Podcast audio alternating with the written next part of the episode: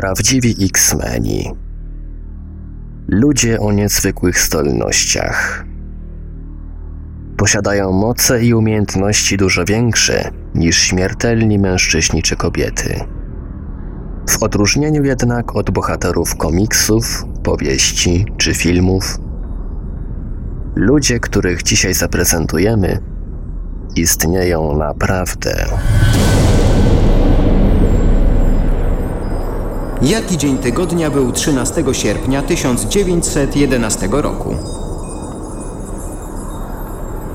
Niedziela.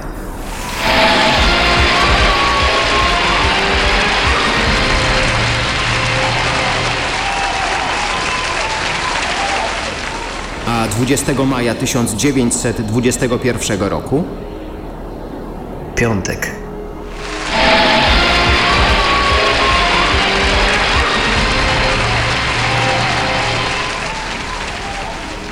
Czy wiesz, jak to robisz?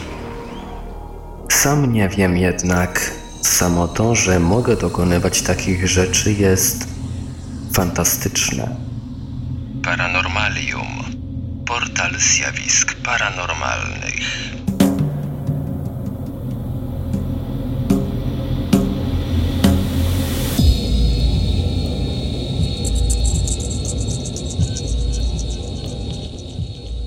W 1983 roku widzowie amerykańskiego programu 60 Minutes poznali George'a Fina, którego talent został później uwieczniony w filmie Rain Man. George ma schorzenie znane jako syndrom uczonego. Jest to tajemniczy defekt mózgu, który powoduje, że osoba posiada spektakularne, niekiedy nawet geniuszowskie wręcz zdolności umysłu, który w innym przypadku jest niezmiernie ograniczony. Dziś poznamy innego uczonego, Daniela Tameta, który w Wielkiej Brytanii nazywany jest Brainman, mózgowiec. W przeciwieństwie jednak do innych uczonych, nie jest on kaleką umysłowym i, co najważniejsze, potrafi opisywać własny proces myślowy. Może on być naukowym kamieniem Rosetta, kluczem do zrozumienia mózgu. Wróćmy jednak do roku 1983, do George'a Fina obdarowanego lub nawiedzonego, który podawał dzień tygodnia, gdy podałeś mu jakąś datę. W czasach bardziej niepoprawnych politycznie George Finn zostałby nazwany uczonym idiotą, upośledzoną umysłowo osobą lub autystykiem, w którego mózgu znajdował się jakiś nadwyraz dobrze działający obszar. Jeśli wszystko to wydaje Ci się znajome, to tylko dlatego, że w 5 lat po nadaniu tego odcinka 60 Minutes Dustin Hoffman uwiecznił podobnych George'owi uczonych w filmie Rain Man. Poznajmy więc innego uczonego, o którym mowa była na początku. Daniel Tammet. To Anglik będący prawdziwym matematyczno-pamięciowym czarodziejem. Urodziłem się 8 listopada 1931 roku, stwierdza prowadzący. Pierwszy numer 1931. Urodziłeś się w niedzielę. W tym roku twoje urodziny wypadną w środę. Będziesz miał 75 lat, mówi Tamet. Szacuje się, że na świecie żyje dziś zaledwie 50 prawdziwych uczonych. Żaden jednak nie jest podobny do Daniela. Jest artykułowany, samowystarczalny, obdarzony niezwykłymi zdolnościami charakteryzującymi uczonego. Jego kalectwo jest jednak niewielkie. Weźmy na przykład jego zdolności matematyczne. Poproszony o pomnożenie 31 razy 31 razy 31 razy 31, Tamet szybko i dokładnie odpowiedział 923 521. A to nie tylko liczenie. Jego niesamowity dar pamięci jest wprost oszałamiający. Wystarczy, że pokażesz mu przez moment długi ciąg cyfr, a on bezbłędnie ci go wyrecytuje. Potrafi także recytować na wspak. A takie rzeczy to dla Daniela Tameta zaledwie rozgrzewka. Najpierw zrobił furorę w Oksfordzie, gdzie publicznie recytował niekończący się ciąg cyfr składających się na liczbę pi. Pi, taka jakiej używamy, zwykle jest zaokrąglona do 3,14, jednak jego numery ciągną się właściwie w nieskończoność. Daniel studiował sekwencje, Tysiące cyfr w przeliczeniu na jedną stronę. Przygotowanie zajęło mu kilka tygodni i gdy Daniel wybierał się do Oksfordu, gdzie arytmometr sprawdzał każdą cyfrę, dał upust swojej nadzwyczajnej pamięci. Tamet twierdzi, że jest w stanie wyrecytować w obojętnie jakiej kolejności 22 514 cyfr. Zajmuje mu to 5 godzin i nie popełnia przy tym ani jednego błędu. Naukowcy mówią, że pamięć Daniela jest naprawdę nadzwyczajna. Dr V.S. Ramachandran i jego zespół z Kalifornijskiego Centrum Badań nad Mózgiem zbadali Tameta po jego wyczynie z liczbą pi. Dr Ramachandran był zaskoczony jego artykulacją i inteligencją, a także jego zdolnościami do oddziaływań społecznych i dokonywania introspekcji swoich własnych zdolności. Podczas gdy ta introspekcja jest u uczonych niezwykle rzadka, Zdolność Tameta do opisywania pracy swojego umysłu może być bezcenna dla naukowców zajmujących się badaniem mózgu, naszego najmniej zrozumianego organu. Jak wyjaśnia dr Ramachandran, wielką tajemnicę stanowi nawet to, jak obliczamy 17 minus 9. Czy wiesz, w jaki sposób małe galaretkowate wstążki wewnątrz mózgu dokonują tego obliczenia? My tego nie wiemy. To może wydawać się przeciwne logice, ale Ramachandran sądzi, że geniusz uczonego właściwie może być rezultatem uszkodzenia mózgu. Według niego jest możliwe, że wiele innych części mózgu działa anormalnie lub podnormalnie. Pozwala to pacjentowi przesunąć wszystkie jego zasoby uwagi na pozostałą część. Jest na to wiele klinicznych dowodów. Niektórzy pacjenci dostają ataku i nagle poprawiają się ich zdolności artystyczne. Ta teoria dobrze pasuje do Daniela. Mając 4 lata dostawał silnych ataków epilepsji. Wierzy, że owe ataki przyczyniły się do jego obecnego stanu. Cyfry przestały być już tylko cyframi, on sam zaś rozwinął rzadkie skrzyżowanie zmysłów znane jako synestezja. Daniel Tammet, jak sam wyjaśnia, cyfry widzi jako kolory, kształty i konstrukcje. Gdy widzi długi ciąg cyfr, ów ciąg tworzy w jego umyśle obrazy. Może w ten sposób zwizualizować każdą liczbę, nawet do 10 tysięcy, przy czym posiada ona kolor, kształt i budowę. Na przykład, gdy Daniel, jak mówi, widzi liczbę pi, wykonuje nagłe obliczenia, jednak nie liczy, tylko mówi, że odpowiedź jawi mu się jako krajobraz kolorowych kształtów. Dla niego kształty w pewnym sensie są pełne życia. Zapytany, czy są piękne, Tamet odpowiada, że nie wszystkie. Niektóre są paskudne.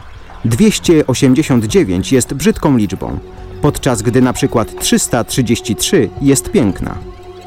Jeszcze przed rozwinięciem tych nadzwyczajnych umiejętności w dzieciństwie nikt, nawet matka Jennifer, nie wyczuł, że Daniel jest cudownym dzieckiem. Był jednak inny. Jak wspomina Jennifer, Daniel stale coś liczył, zaś pierwszą rzeczą, jaka go zaczęła interesować w książkach, były numery stron. On po prostu uwielbiał liczyć. Zapytana, czy sądzi, że istnieje związek między epilepsją a jego rzadkim talentem, odpowiada: On zawsze się odróżniał od innych.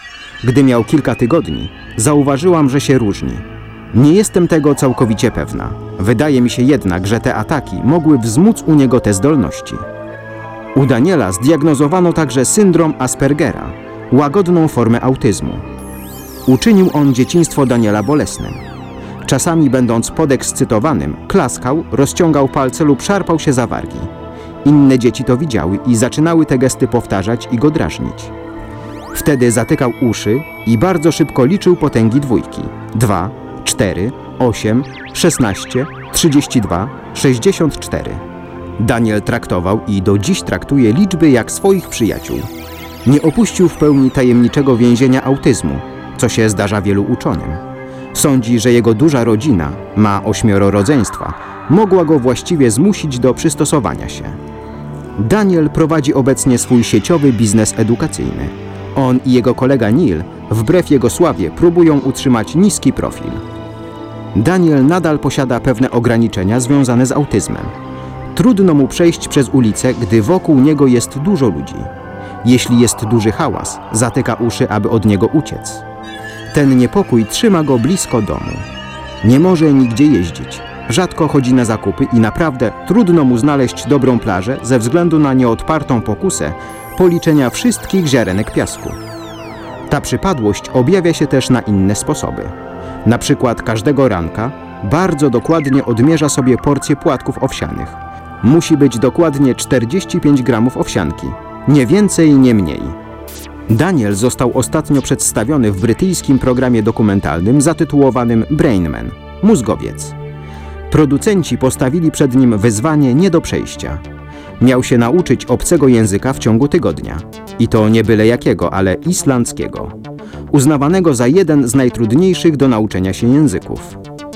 Daniel przygotowywał się w Islandii i miał własną praktykę z opiekunem. Gdy nadeszła chwila prawdy i Daniel pojawił się w programie telewizyjnym, prowadzący program powiedział: Byłem zdumiony. Odpowiedział na nasze pytania. Zrozumiał je bardzo dobrze i moim zdaniem jego gramatyka również była bardzo dobra. Jesteśmy bardzo dumni z naszego języka i z tego, że ktoś jest w stanie płynnie się nim posługiwać po zaledwie tygodniu nauki. On jest wielki. Chcielibyśmy teraz porozmawiać przez chwilę w języku islandzkim z Danielem Tametem. Witaj, jak poszła nauka? Bardzo dobrze, dziękuję. Islandzki jest dla mnie taki piękny. I tak, trudny do nauczenia w 7 dni. Gdy oglądam Islandczyków mówiących po islandzku, to wydaje się łatwe, tak jak oddychanie.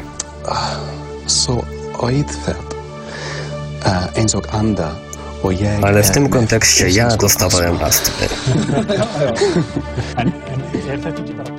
Dr Ramakandran sądzi, że Daniel w pewnym sensie reprezentuje prawdziwą ścieżkę do dalszego zrozumienia pracy naszego mózgu. W końcu coś, co wygląda początkowo na zwykłą ciekawość, często prowadzi do zupełnie nowego kierunku badania. Czasami tacy ludzie dostarczają złotego klucza. To nie zdarza się zawsze. Czasami są to tylko takie mambo jumbo, ale w wypadku uczonych może to być prawda. Daniel kontynuuje współpracę z naukowcami chcącymi zrozumieć jego zdumiewający mózg. Jest jednak niechętny, by stać się czymś, co sam nazywa odkrywającą pieczęcią i odrzuca większość ofert wykorzystania jego nadzwyczajnych umiejętności. Ludzie ciągle proszą mnie o wybieranie numerów na loterię, albo o wymyślenie maszyny czasu, albo też o wyjście z jakimś wielkim odkryciem, wyjaśnia Daniel Tammet. Moje zdolności nie oznaczają jednak, że mogę robić wszystko. Daniel napisał jednak książkę zatytułowaną Born on a Blue Day, opowiadającą o jego doświadczeniach. Wygłasza także motywacyjne przemówienia dla rodziców autystycznych dzieci. Jest to jeszcze jeden dar jego nadzwyczajnego mózgu. Jednak pod koniec dnia, u geniusza lub nie, tenże mózg pracuje różnie. Jak mówi Tamet, jedna godzina od zakończenia spotkania i zapomnę jak wyglądasz. Trudno mi będzie rozpoznać cię ponownie, gdy znów się zobaczymy. Zapamiętam twoją chusteczkę, zapamiętam też, że masz w rękawie cztery guziki. Zapamiętam również typ krawata, który nosisz. To są szczegóły, które zapamiętuję. To są szczegóły, które powodują, że wszyscy jesteśmy tak różni. Jeden człowiek może postrzegać cyfry jako nudną konieczność nowoczesnego życia, inny zaś widzi je jako istotę życia. Jak mówi Daniel, pi to jedna z najpiękniejszych rzeczy na całym świecie. Jeśli mogę zauważyć radość w numerach, jeśli mogę zrobić coś dla świata poprzez moje pismo i mowę, wtedy czuję, że robię coś pożytecznego. Źródło CBS News. Tłumaczenie Ivelios.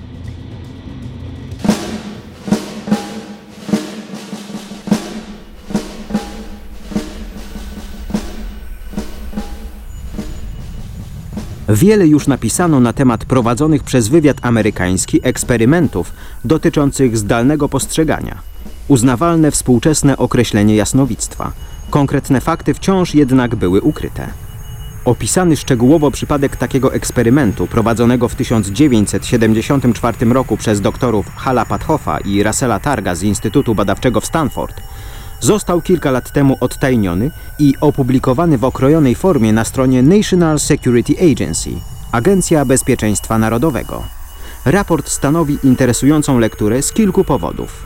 Po pierwsze, ponieważ jest tak szczegółowy i po drugie, ponieważ pracujący w CIA autor ocenił eksperyment jako nieudany z militarnego punktu widzenia. Tak naprawdę eksperyment udał się aż za bardzo, by mógł być wygodny i wywołał paniczną reakcję ze strony amerykańskich autorytetów wojskowych. W eksperymencie ochotnik, znany jako SG-1J, wiadomo jednak, że był to emerytowany komisarz policji Pat Price. Poinformowany został o istnieniu ściśle tajnej radzieckiej bazy wojskowej w miejscowości Semipałatyńsk, 25 do 30 mil na południowy zachód od rzeki Irtysz na Syberii. Jest nieprawdopodobne, by ochotnik w normalny sposób zdobył jakąkolwiek wiedzę na temat takich tajnych instalacji. Jemu samemu zaś podano jedynie współrzędne na mapie. Był to nie tylko jeden z najbardziej tajnych sowieckich magazynów broni nuklearnej, ale również fizycznie bardzo odległe miejsce, znajdujące się jakieś 16 tysięcy kilometrów od miejsca przeprowadzenia eksperymentu. W ciągu trzech dni podczas wielu sesji zdalnego postrzegania Price proszony był o opisanie w sposób paranormalny cech rosyjskiej bazy. Z kilku istotnych względów oficer wojskowy analizujący wyniki uznał eksperyment za nieudany. Price błędnie nakreślił obwód tego miejsca, mimo iż proszono go o to dwukrotnie. Gdy zaś naciskano na niego, by podał szczegóły, odpowiadał czymś w stylu wrócę do tego później. Czynił to jednak rzadko. Gdy zaś naciskano na niego, by przytoczył konkretne, specyficzne fakty, robił to samo, co robi wielu psychików. Wytworzył masę specyficznych faktów, które jednak okazywały się być nieprawdziwe. Sądził na przykład, że miejsce było powiązane z radzieckim programem kosmicznym oraz że widział kosmonautów w skafandrach, podczas gdy w rzeczywistości była to tylko militarna instalacja służąca do przechowywania broni. Price podał jednak również jedno stwierdzenie, które okazało się być zadziwiająco trafne. Mówił, że widział przenośnego żurawia budowanego na wielką skalę. Jego koła były większe od człowieka. Według niego żuraw był wysoki na około 45 metrów, a jego tory relingowe były rozstawione co 15 metrów. Stwierdził również, iż żuraw jeździł po torach nad podziemną budowlą. Wykonał również wiele szczegółowych szkiców o jakości niemalże inżynierskiej. W swojej analizie, pragnący zachować anonimowość oficer napisał Price dzięki swojemu szkicowi przedstawiającemu zamontowanego na torze żurawia dostarczył w większości pozytywnego dowodu potwierdzającego istnienie stalnego postrzegania. Wydaje się niemożliwe wyobrazić sobie, w jaki sposób mógłby narysować żurawia w tak wysokim stopniu podobnego do tego z semipalatyńska. Chyba, że widział go dzięki stalnemu postrzeganiu lub też Został poinstruowany w kwestii rysunku przez kogoś znającego to miejsce. Analizator kontynuował. Jedynie wspominam o drugiej ewentualności, ponieważ eksperyment nie był kontrolowany w celu obalenia możliwości, by Price mógł rozmawiać z innymi ludźmi, jak na przykład z sekcją dezinformacji KGB. Dla czytającego może to zabrzmieć niepoważnie, jednak należy rozważyć wszystkie możliwości z uwagi na jego zdolność do zdalnego postrzegania oraz z uwagi na możliwość dostarczenia danych w celach dezinformacyjnych przez KGB. W swoim końcowym ogólnym raporcie dotyczącym eksperymentu oficer z nie do końca jasnych powodów zajął dużo bardziej sceptyczne stanowisko. Bez ogródek stwierdza, przeprowadzony z udziałem Price'a eksperyment ze stalnym postrzeganiem okazał się bezowocny. W rzeczywistości co ujawnił później na swojej stronie internetowej jeden z eksperymentatorów, dr Russell Targ. Eksperyment powiódł się aż za bardzo. Targ mówi: Ta próba zakończyła się tak oszałamiającym sukcesem, że zostaliśmy zmuszeni do przeprowadzenia formalnego dochodzenia kongresowego, by ustalić, czy w Narodowym Systemie Bezpieczeństwa istnieje jakaś luka. Oczywiście nic takiego nigdy nie znaleziono, a rząd USA współpracował z nami przez następne 15 lat. Gdy podczas tych eksperymentów siedziałem z Price'em w SRI, wykonał on szkic ukazujący jego wyobrażenie mentalne, gigantycznego żurawia, którego fizycznie widział, poruszającego się tam i z powrotem po budynku w miejscu docelowym. Eksperyment Price'a nie jest dostatecznym dowodem potwierdzającym istnienie zdalnego postrzegania. Niewątpliwie jednak ten kontrolowany eksperyment zasługuje na poważne traktowanie z naukowego punktu widzenia. Ogromny żuraw z całą pewnością został zbudowany w docelowym miejscu i zawiera rzadkie cechy. I były to cechy, których ogromna większość ludzi nigdy nie widziała. Normalnie, ze względu na przykład na bardzo niskie podobieństwo, ta identyfikacja dokonana przez Price'a powinna zostać uznana jedynie za przypuszczenie i stąd uznana za niewiarygodną. Tekst pochodzi z nieistniejącego już serwisu alternativescience.com. Tłumaczenie i opracowanie Ivelios.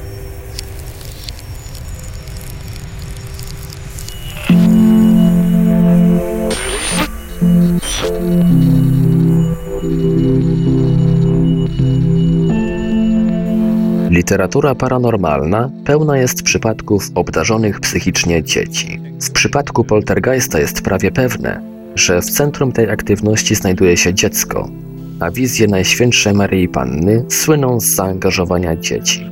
Cofnij się do czasów polowań na czarownice, a przeczytasz wielokrotnie o dzieciach jako najłatwiejszych do oczarowania, zaś wiele oskarżeń o paranie się magią pochodziło od dzieci dotkniętych rzekomymi czarodziejskimi zaklęciami. Czy badanie dzieci może stanowić wartość dodaną do badań naukowych? Czy spoglądając na mentalność wewnątrz dziecka, możemy zidentyfikować elementy, które ukazują dla wystąpienia psychicznych starzeń optymalny stan umysłu? Być może. Sceptyk z pewnością podskoczy dramatycznie i powiadomi nas o tym, że dzieci są zwykle bardziej skłonne do fantazjowania. Ich umysły bardziej wierzą w cuda, łatwiej więc dają się nabrać na sztuczki czy nawet iluzje. Jest to całkiem prawdziwe. Ponieważ jednak takie czynniki można zidentyfikować, nie znaczy to, że temat jest zamknięty. Wiele dzieci na przykład posiada wyobrażonych przyjaciół. Czy możemy po prostu pozostawić ten temat, stwierdzając, no cóż? Oczywiście nie.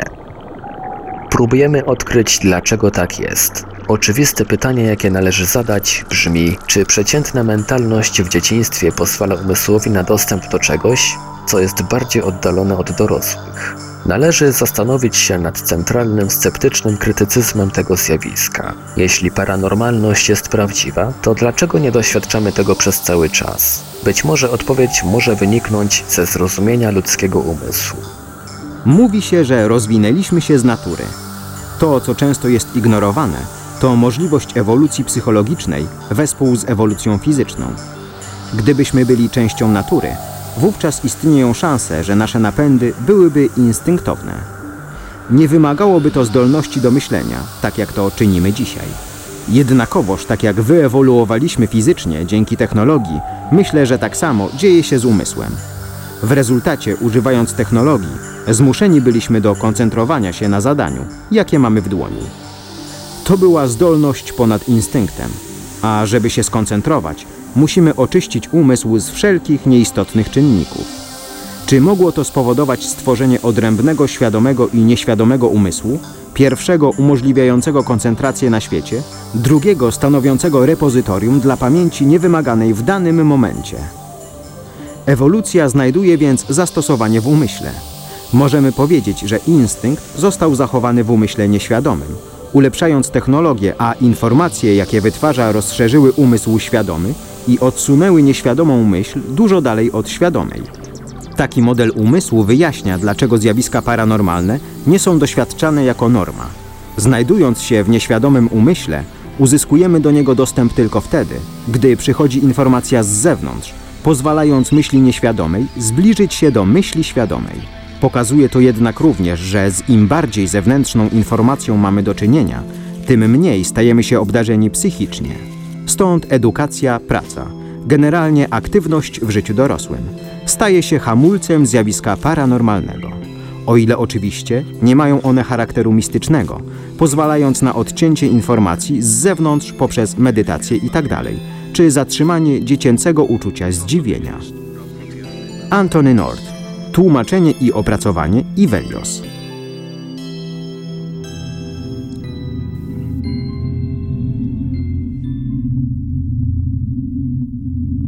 Prawdziwi X-Meni.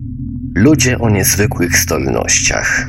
Oni posiadają moce i umiejętności dużo większe niż śmiertelni mężczyźni czy kobiety. W odróżnieniu jednak od bohaterów komiksów, ci niezwykli ludzie istnieli naprawdę. Filmowa wersja X-Mena była po premierze najpopularniejszym filmem. Oparty na ogromnie popularnym komiksie, X-Men zawiera w sobie zbiór ludzkich mutantów. Wszyscy dobrzy i źli, którzy urodzili się z niezwykłymi i czasem dziwacznymi umiejętnościami, z takimi imionami jak Rosomak, Burza, Cyklop, Induktor i Tajemnica, potrafią sprawić, że ostrza wyskakują ze swoich kastetów, wyczarować huragany z nieba lub manipulować swoim środowiskiem przy pomocy telekinezy. Te postaci, stworzone przez legendarnego autora komiksu i ilustratora Stana Lee, żyją tylko w wyobraźni, na papierze, a teraz także i w filmie. Czy uwierzyłbyś w istnienie prawdziwych X-Menów?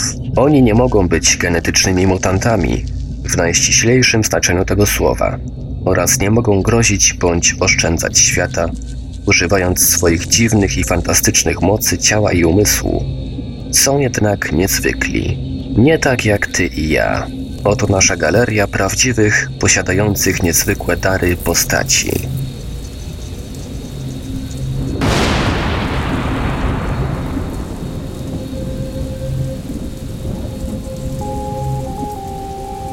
Człowiek błyskawica. Gdy zbierają się chmury burzowe, odważny człowiek błyskawica wbrew naturze przyciąga spadające z nieba śmiertelne strzały. Roy Cleveland Sullivan był strażnikiem leśnym z Virginii, który miał straszny pociąg do piorunów. Albo to raczej one miały pociąg do niego. W czasie swojej 36-letniej kariery strażnika leśnego Sullivan siedmiokrotnie był rażony piorunem i bez szwanku przeżył każde uderzenie. Gdy został porażony po raz pierwszy w 1942 roku, stracił paznokieć na wielkim palcu u nogi. Minęło 27 lat, gdy został rażony ponownie, tym razem przez pioruna, który osmalił mu brwi. W następnym roku, w 1970, inny piorun spalił Sullivanowi lewe ramię. Wyglądało to tak, jak gdyby piorun uwziął się na biednego Roya i ludzie zaczęli go nazywać The Human Lighting Rod, ludzki piorunochron. Nie rozczarował ich. Piorun uderzył jeszcze raz w 1972 roku. Wówczas jego włosy stanęły w ogniu, co przekonało go do trzymania w samochodzie na wszelki wypadek pojemnika z wodą. Woda przydała się w 1973 roku, kiedy właściwie szydząc sobie z Sullivana, nisko wisząca czarna chmura wystrzeliła piorun, który wylądował na jego głowie, podpalając jego samochód, przypalając jego włosy i niszcząc but. Szóste uderzenie w 1976 roku uszkodziło jego staw skokowy. Siódme w 1977 roku miało miejsce w chwili, gdy łowił ryby. Wówczas został zabrany do szpitala z urazem klatki piersiowej i oparzonym żołądkiem. Piorun nie mógł zabić Roya Sullivana. Istniało jednak niebezpieczeństwo, że on zrobi to sam.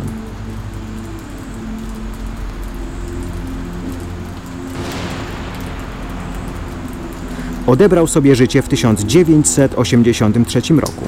Dwa z jego przypalonych błyskawicą kapeluszy wystawiono w Guinness World Exhibit Halls.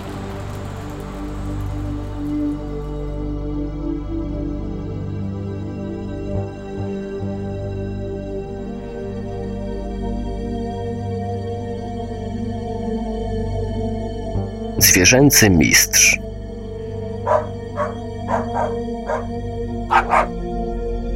Z taką mocą człowiek może rozkazywać zwierzętom, by wykonywały jego polecenia.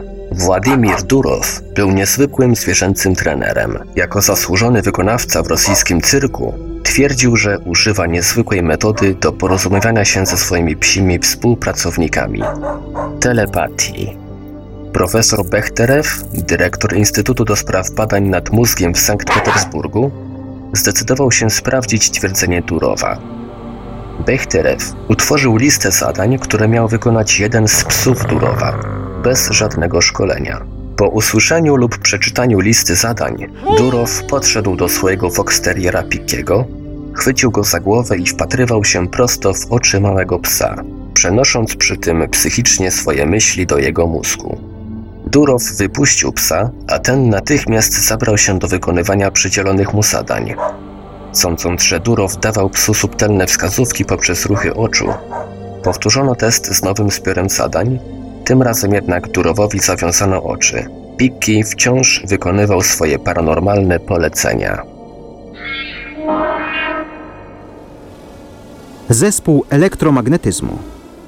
Naładowani jak superprzewodzące ludzkie baterie, idąc przez okolice, elektryzują wszystko, co spotka się z elektryzującą mocą skupioną w koniuszkach ich palców. Było kilka udokumentowanych przypadków ludzi, którzy najwidoczniej posiadali elektromagnetyczne właściwości. Przez 10 tygodni w 1846 roku zwykła obecność 14-letniej francuski Angeline Cotin sprawiała, że igły kompasów obracały się dziko. Przedmioty tak ciężkie jak meble przesuwały się, gdy tylko spróbowała ich dotknąć. Zaś przedmioty znajdujące się w jej pobliżu nienaturalnie drgały. Jenny Morgan z Sedalia w stanie Missouri w USA mogła przy pomocy koniuszków palców emitować iskry, które potrafiły doprowadzać ludzi do nieprzytomności. Zwierzęta stroniły od niej. Po 18-miesięcznej, niezdiagnozowanej chorobie kanadyjska nastolatka Caroline Clare była tak namagnesowana, że metalowe przedmioty typu widelce i noże przyklejały się do jej skóry. Siła była tak duża, że przy ściąganiu przedmiotów pomagać musiała druga osoba. Inga Gajduszenko, 14-letnia sowiecka uczennica, również była bardzo namagnesowana. Przed członkami Moskiewskiego Instytutu Technicznego pokazywała przyklejające się do jej rąk łyżki i metalowe pióra. Tak samo działo się z niemetalowymi przedmiotami, takimi jak porcelanowe talerze i książki. Zdumiewająca kinetroniczka. Ze swoimi myślami, samotnie, żelaznym spojrzeniem lub subtelnym gestem, Nina Kulagina mogła przenosić do woli martwe przedmioty. Nina Kulagina stała się w latach 60. XX wieku jedną z najsłynniejszych w ZSRR osób posiadających zdolności paranormalne z powodu swoich umiejętności telekinetycznych lub psychokinetycznych. Na filmach przemycanych z kraju Nina pokazała, że jest w stanie poruszać małe przedmioty znajdujące się przed nią na stole. Pod zamkniętą naukową obserwacją Kulagina trzymała ręce kilkanaście centymetrów nad przedmiotami i po kilku momentach ślizgały się one po blacie stołu. Drewniane zapałki, niewielkie pudełka, papierosy i szklane przedmioty zawsze reagowały na jej intensywne skupienie. Chwilami przedmioty poruszały się nadal, mimo iż zabrała od nich ręce. We wczesnych latach 70. Kulagina poproszona została nawet przez radziecki rząd w miarę możliwości o pomoc choremu Nikicie Chruszczowowi. Piroelastyczny człowiek. Zobacz, jak rozciąga swoje ciało do niewiarygodnych długości i włóż rozżarzony kamień w jego nagie dłonie. Daniel Douglas Home był jednym z najbardziej niewiarygodnych mediów połowy XIX wieku lub też jednym z najzdolniejszych magików tamtej ery. Wyczyny, których ten Szkot dokonywał w bliskiej od siebie odległości, wprawiały w osłupienie arystokrację i członków rodzin królewskich jego czasów. W jednej z demonstracji wszedł do swojego zwykłego transu i ogłosił, że dotknął ducha stróża, który był bardzo wysoki i silny. Gdy był obserwowany przez otaczających go dwóch świadków, Home wydłużył się o około 12 cm i było wyraźnie widać, że jego odziane w pantofle stopy zdecydowanie stanęły na podłodze. Home mógł również bez krzywdy chwytać żar, czego dokonywał dość często. Pan William Crooks z Brytyjskiego Stowarzyszenia Badań Psychicznych widział kiedyś, jak Home podnosił gorący węgiel wielkości pomarańczy i nonszalancko trzymał go w obu rękach. Home dmuchał nawet w węgiel do chwili, gdy nie stał się on biały i gorący i dopóki płomienie nie przemknęły wokół jego nagich palców. Crooks zbadał wówczas dłonie Holma i stwierdził, iż nie doznały one jakiegoś specjalnego uszczerbku. Nie były widoczne żadne bąble, okaleczenia bądź nadpalenia. Crooks zauważył fakt, iż ręce Holma były miękkie i delikatne, jak u kobiety. W innej demonstracji Home wyleciał z drugiego okna, zatrzymał się, a następnie wleciał z powrotem do środka przy kompletnym zdziwieniu trzech świadków stojących na ziemi. Niesamowity rentgen. Nie ma żadnych ukrytych złych dokumentów dotyczących niesamowitego rentgena, którego przenikająca rentgenowska wizja widziała wszystko. Kuda Books, wykonawca sceniczny, który nazwał siebie człowiekiem z rentgenowskimi oczyma, zadziwił publiczność na początku XX wieku. Books najpierw pozwolił członkom swojej widowni na ślepo położyć monety przed jego oczami i przymocować je taśmą klejącą. Jego głowa została wówczas całkowicie zabandażowana szmatkami, by upewnić każdego, że on nic nie widzi. Przeszedł następnie do odczytywania wiadomości, które uczestnicy napisali na papierze. Mógł on również czytać książki i dokładnie opisywać przedmioty trzymane przez słuchaczy. Z nałożoną zaślepką Books przejechał nawet bezpiecznie na rowerze przez ruchliwą nowojorską dzielnicę Times Square. Mikroskopy i teleskopy. Niczym supernowoczesne ludzkie przyrządy naukowe, ci bohaterowie używali swoich fantastycznych wizji do oglądania mikroskopijnych szczegółów lub obiektów w dużej odległości. Dwóch panów mogłoby się podzielić tytułem mikroskop. Obydwaj posiadali umiejętności rozpoznawania nagrania na płycie winylowej jedynie poprzez patrzenie na rowki własnymi, gołymi oczami. Alvan Mason po raz pierwszy zaprezentował swoje umiejętności w latach 30. Ostatnio także Arthur Lindgren, mieszkaniec Filadelfii, Udowodnił wszystkim poza niezwykłym Randym, że może zrobić to samo. Weronika Zajder, niemiecka dentystka, miała najwidoczniej złożoną wizję. W pojedynczych demonstracjach pokazała, że jest w stanie zidentyfikować ludzi znajdujących się w odległości ponad dwóch kilometrów. Zajder twierdzi również, że może widzieć indywidualnie czerwone, zielone i niebieskie kropki, które składają się na obraz w kolorowym telewizorze. Jak wyjaśnić zdumiewające zdolności tych osób? Czy są oni przewodnikami jakichś niewyobrażalnych międzywymiarowych mocy? A może są zwykłymi oszustami i żartownisiami? Czy może raczej są genetycznymi mutantami, takimi jak X-Meni, mogącymi zwiastować przyszłość rodzaju ludzkiego? Medyktron Uzdrowiciel. Z nieznaną siłą emanującą z jego cudownych rąk, Medyktron potrafi leczyć wszelkiego typu rany i choroby. John D. Rees z Youngstown w stanie Ohio w USA nigdy nie studiował medycyny. Tak naprawdę nie było tak do czasu, kiedy w wieku 30 lat Rees odkrył u siebie niezwykłą zdolność uleczania. Pewnego dnia w 1887 roku Znajomy pana Rees spadł z drabiny i poważnie uszkodził sobie kręgosłup. Jego lekarz nazwał to poważnym obciążeniem rdzenia. Rees z jakiegoś powodu przebiegł palcem po plecach tego człowieka, a ten zaraz potem powiedział, że ból całkowicie minął. Następnie wstał i wrócił do pracy. Rees w podobny sposób wyleczył Hansa Wagnera, obrońcę drużyny baseballowej Pittsburgh Pirates, który został wyniesiony z boiska z urazem kręgosłupa. Wyleczył również polityka, którego ręka i nadgarstek stały się mniej sprawne z powodu zbyt częstego podawania dłoni. Lekarze doradzili mu wielotygodniowy odpoczynek. Po spotkaniu z Reesem natychmiast poczuł się lepiej. Steven Wagner. www.paranormalabout.com Tłumaczenie Ivelios.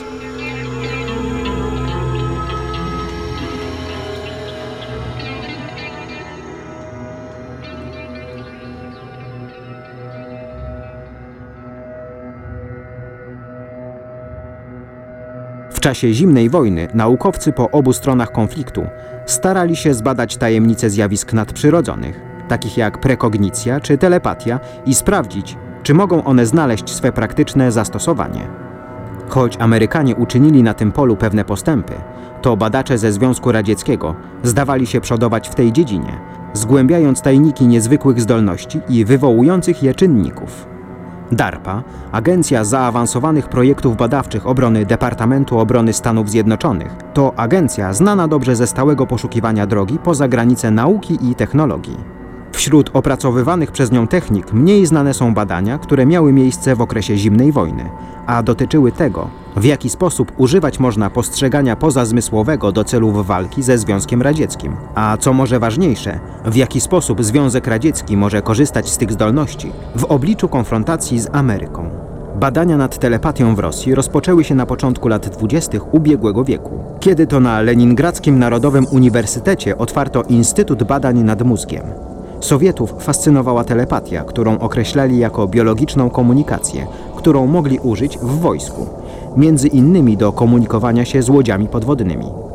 Próbowali także trenować swych kosmonautów w celu wypracowania u nich zdolności prekognicji, która mogła pomóc w unikaniu wypadków w kosmosie. Zdaje się także, że radzieckich badaczy zajmowało zjawisko psychokinezy, przesuwanie przedmiotów siłą umysłu, jako sposób na zakłócanie elektrycznych systemów połączonych z programem ICBM, międzykontynentalnych pocisków balistycznych. Rosjanie, w przeciwieństwie do Amerykanów, bardziej przykładali uwagę do idei mówiącej, że zjawiska paranormalne mogą być rezultatem bioenergii lub energii procesów metabolicznych żywych stworzeń. Teoria ta zakłada istnienie emitowanej przez ludzi bioplazmy, teoretycznego pola energetycznego, które w pewnych określonych warunkach zdolne jest do emitowania promieniowania poza powierzchnię ciała w formie elektronów i być może protonów. Choć radzieckim uczonym nie udało się dojść do żadnych wniosków odnośnie istnienia bioplazmy, naukowcy z RAND stwierdzili, pogoń za tą teorią wskazuje, że radzieccy parapsychologowie próbowali wyjaśnić istnienie zjawisk paranormalnych w sposób znacznie bardziej zaawansowany niż ich zachodni odpowiednicy.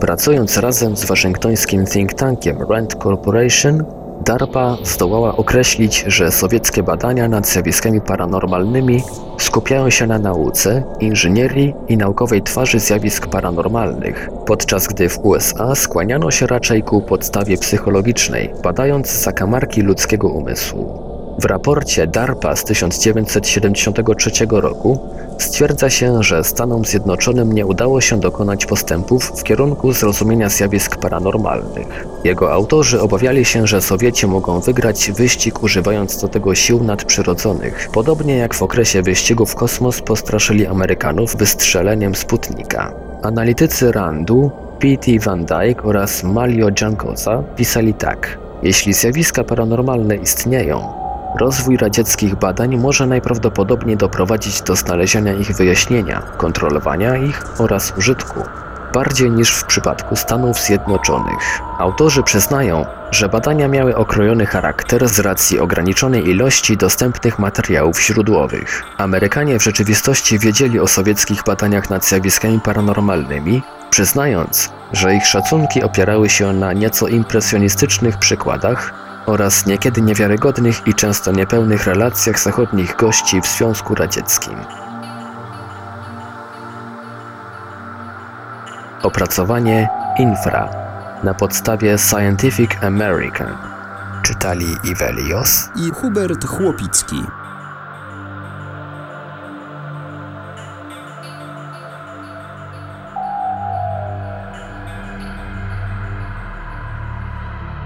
Paranormalium na Facebooku facebook.com ukośnik paranormalium. Polecajcie Paranormalium swoim znajomym. Polecajcie nas gdzie się da. Na forach, na profilach, gdziekolwiek. Niech społeczeństwo zrozumie, że UFO i zjawiska paranormalne nie są tylko tematem do żartów, ale też wartą zainteresowania dziedziną o najszerszych horyzontach poznawczych. facebook.com ukośnik paranormalium Radio Paranormalium. Radio Paranormalium to radio internetowe nadające audycje o tematyce paranormalnej, ezoterycznej oraz konspiracyjnej. Słuchaj nas na www.radioparanormalium.pl. Była to audycja przygotowana przez redakcję portalu Paranormalium. Dziękujemy za uwagę i zapraszamy do wysłuchania kolejnej audycji, którą opublikujemy już wkrótce. Tymczasem zapraszamy do słuchania naszego radia internetowego pod adresem radioparanormalium.pl.